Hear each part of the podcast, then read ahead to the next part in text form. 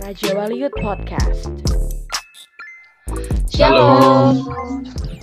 Oke, shalom nih buat Yoters yang kami kangenin untuk ibadah offline lagi tapi masih belum bisa. Kembali lagi bersama Bibir alias Bincang-bincang rohani. Oke, mantul banget nih bersama sohib-sohib saya yang pastinya kece yaitu ada aku sendiri Hana dan ada siapa lagi nih? Di sini ada Eci. Hi everybody. Dan aku yang paling ganteng, Wow. Steven. Wow. Ada aku Angel. Wah, keren-keren banget ya nih ya.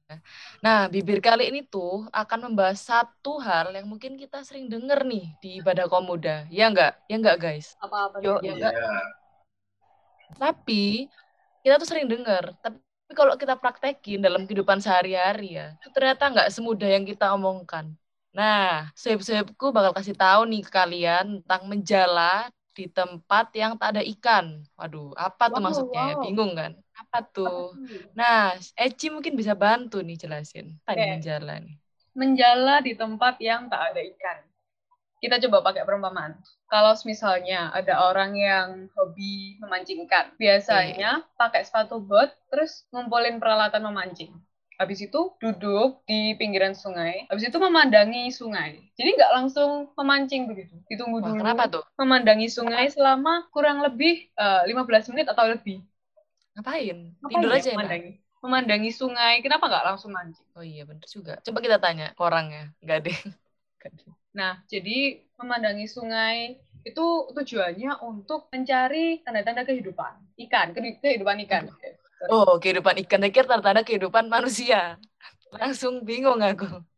Kan kalau nggak ada ikan, nggak ada gunanya memancing di tempat itu.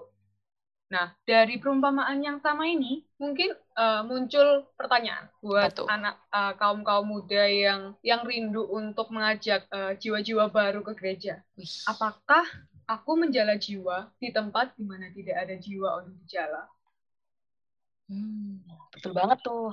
Jadi kita tahu kan bahwa Yesus disebut sebagai sahabat pemungut cukai dan orang berdosa. Kita bisa lihat di Lukas 7 ayat 34. Aku bacain buat teman-teman.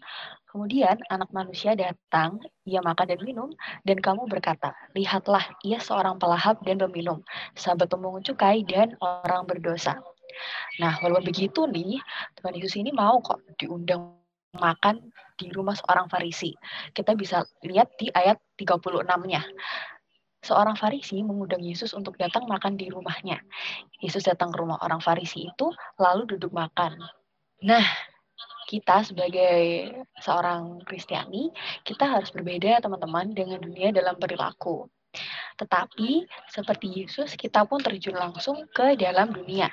Jadi kita harus bertanya pada diri kita sendiri, apakah aku berteman dengan orang berdosa seperti yang Yesus lakukan? Jika kita nih cuma berkawan dengan sesama orang Kristen, mungkin kita menjala jiwa di tempat di mana tidak ada jiwa untuk dijala. Agak bingung, jangan bingung. Nah, langkah pertama dalam menjala jiwa adalah berada bersama orang-orang yang belum percaya. Nah, kemudian dibutuhkan kasih. Apa itu?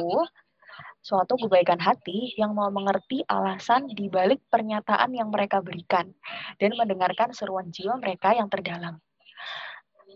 Nah, gampangnya kita bisa act out dengan menunjukkan belas kasihan. Kita bisa bertanya, boleh aku tahu mengapa kamu berkata begitu? Seperti yang dikatakan pendeta Jules Herbert, keramat tamahan dapat menjadi kesaksian terbaik loh.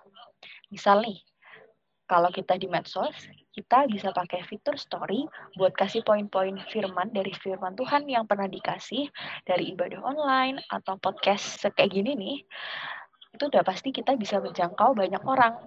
Walaupun terkadang story kita cuma di swipe-swipe aja, tetapi kalau Roh Kudus ini udah menggerakkan orang, dia bisa ngeliat dan ngerasa relate dengan kehidupannya dan itu kita udah menjangkau banyak orang guys gitu. Oke, benar sekali ini ya. Jadi apa yang disampaikan oleh Angel tadi itu memang sesuai gitu. Dan kita harus menjadi alat yang menyalurkan kebenaran Allah karena kita anak Allah. Kita sebagai anak Allah juga harus menjadi terang ya, menjadi garam buat teman-teman kita, teman-teman di lingkungan kita sendiri yang masih belum mengenal Allah, terus di lingkungan kuliah, di lingkungan sekolah itu masih banyak ya teman-teman kita yang masih belum mengenal Allah. Nah, kita harus bisa ini menjadi alat untuk kebenaran Allah. Nah, untuk menjadi alat untuk menyalurkan kebenaran Allah, kita itu harus mempunyai kasih ya. Dan kasih itu tidak timbul secara alami dalam diri kita, tapi semua itu berasal dari Allah. Jadi gitu ya teman-teman, yang bisa kami sampaikan pada saat ini. Nah, karena ini sudah selesai, mari kita berdoa, Tuhan, jika hari ini kami bersama seseorang yang belum percaya, kiranya kami peka pada suara yang tanpa sukacita, wajahnya yang lelah atau matanya yang sedih. Semua hal yang sering dengan mudah kuabaikan karena perhatianku pada diri sendiri. Kiranya kami punya kasih yang muncul dari dan berakar dalam kasihmu. Kiranya kami tekun mendengarkan orang lain, menunjukkan belas kasihanmu dan menyatakan kebenaranmu pada sore hari ini. Terima kasih ya Tuhan, kami sudah berdoa dan bersyukur. Haleluya. Amin. Wah, mantul banget nih podcast Diber kali ini ya. Kak Steven, terima kasih sudah menutup dengan doa. Oke.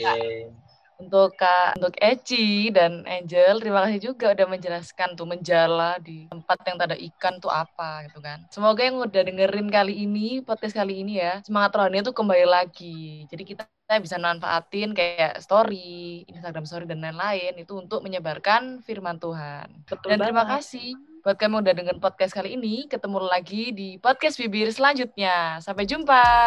Tuhan Yesus memberkati. Sampai jumpa. See you. Bye.